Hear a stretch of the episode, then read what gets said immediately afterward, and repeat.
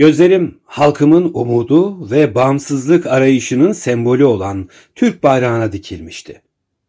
İstanbul'dan uzakta, Samsun'un tozlu yollarında halkımın gözlerinde umutsuzluk yerine büyüyen bir coşku vardı. 19 Mayıs 1919 Milli mücadelenin başlangıcıydı. Ben Mustafa Kemal Atatürk. Halkıma önderlik etmek için bu yollarda yürüdüm. Samsun'dan başlayan bu uzun yolculuk bir milletin yeniden dirilişinin öyküsüydü. Halkın gözlerindeki umutsuzluğu gördüğümde onlara bir umut ışığı olmaya çoktan karar vermiştim.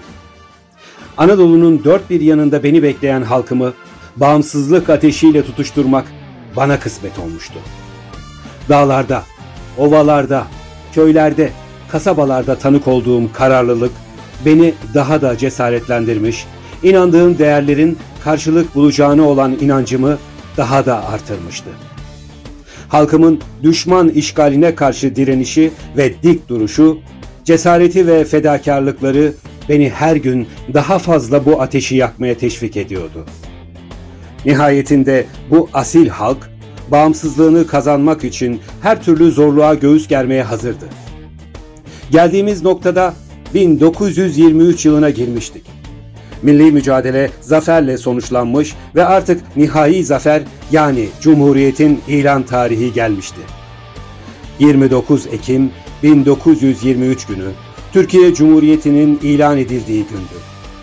Halkımın gözlerindeki sevinç ve coşku o kadar büyüktü ki bu anı tarif etmek benim için çok zor. İlan ettiğimiz bu cumhuriyet Türk milletinin bağımsızlığının hem dahili hem de harici düşmanlarına karşı bir kalkan oluştururken aynı zamanda diğer devletlerce resmi olarak bağımsız bir devlet olduğunun kabulü anlamına geliyordu. Başkanlığını üstlendiğim cumhuriyet halkımızla birlikte ortak bir idealdi. Daha sonra gerçekçi ve sağduyulu bir yaklaşımla ülkenin modernleşmesi ve gelişmesi için hızlıca reformları hayata geçirdik. Eğitim, kültür, ekonomi ve diğer alanlarda atılımlar yaptık.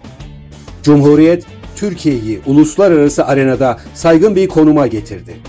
Türk halkı 29 Ekim 1923'te ilan edilen Cumhuriyet ile yeniden doğdu.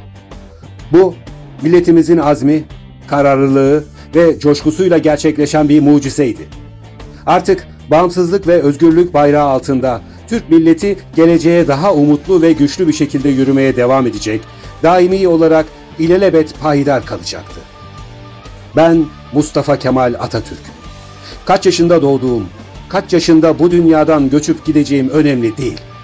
Benim naciz vücudum tıpkı benimle aynı ideali paylaşıp bağımsız Türkiye için mücadele eden şerefli insanlar gibi toprak olacak. Ama kanımızın son damlasına kadar savunup kurtardığımız, sonrasında aynı kanla mühürleyerek kurduğumuz cumhuriyet bu vatan toprağının her bir zerresinde yaşamaya devam edecektir. Bugün cumhuriyet daha bir yaşında bile değil. Lakin bu vatanın yüz sene, bin sene sonraki evlatları biliniz ki aynı kanın devamıdır. Muhtaç olduğun kudret damarlarındaki asil kanda mevcuttur. Ne mutlu Türk'üm diyene.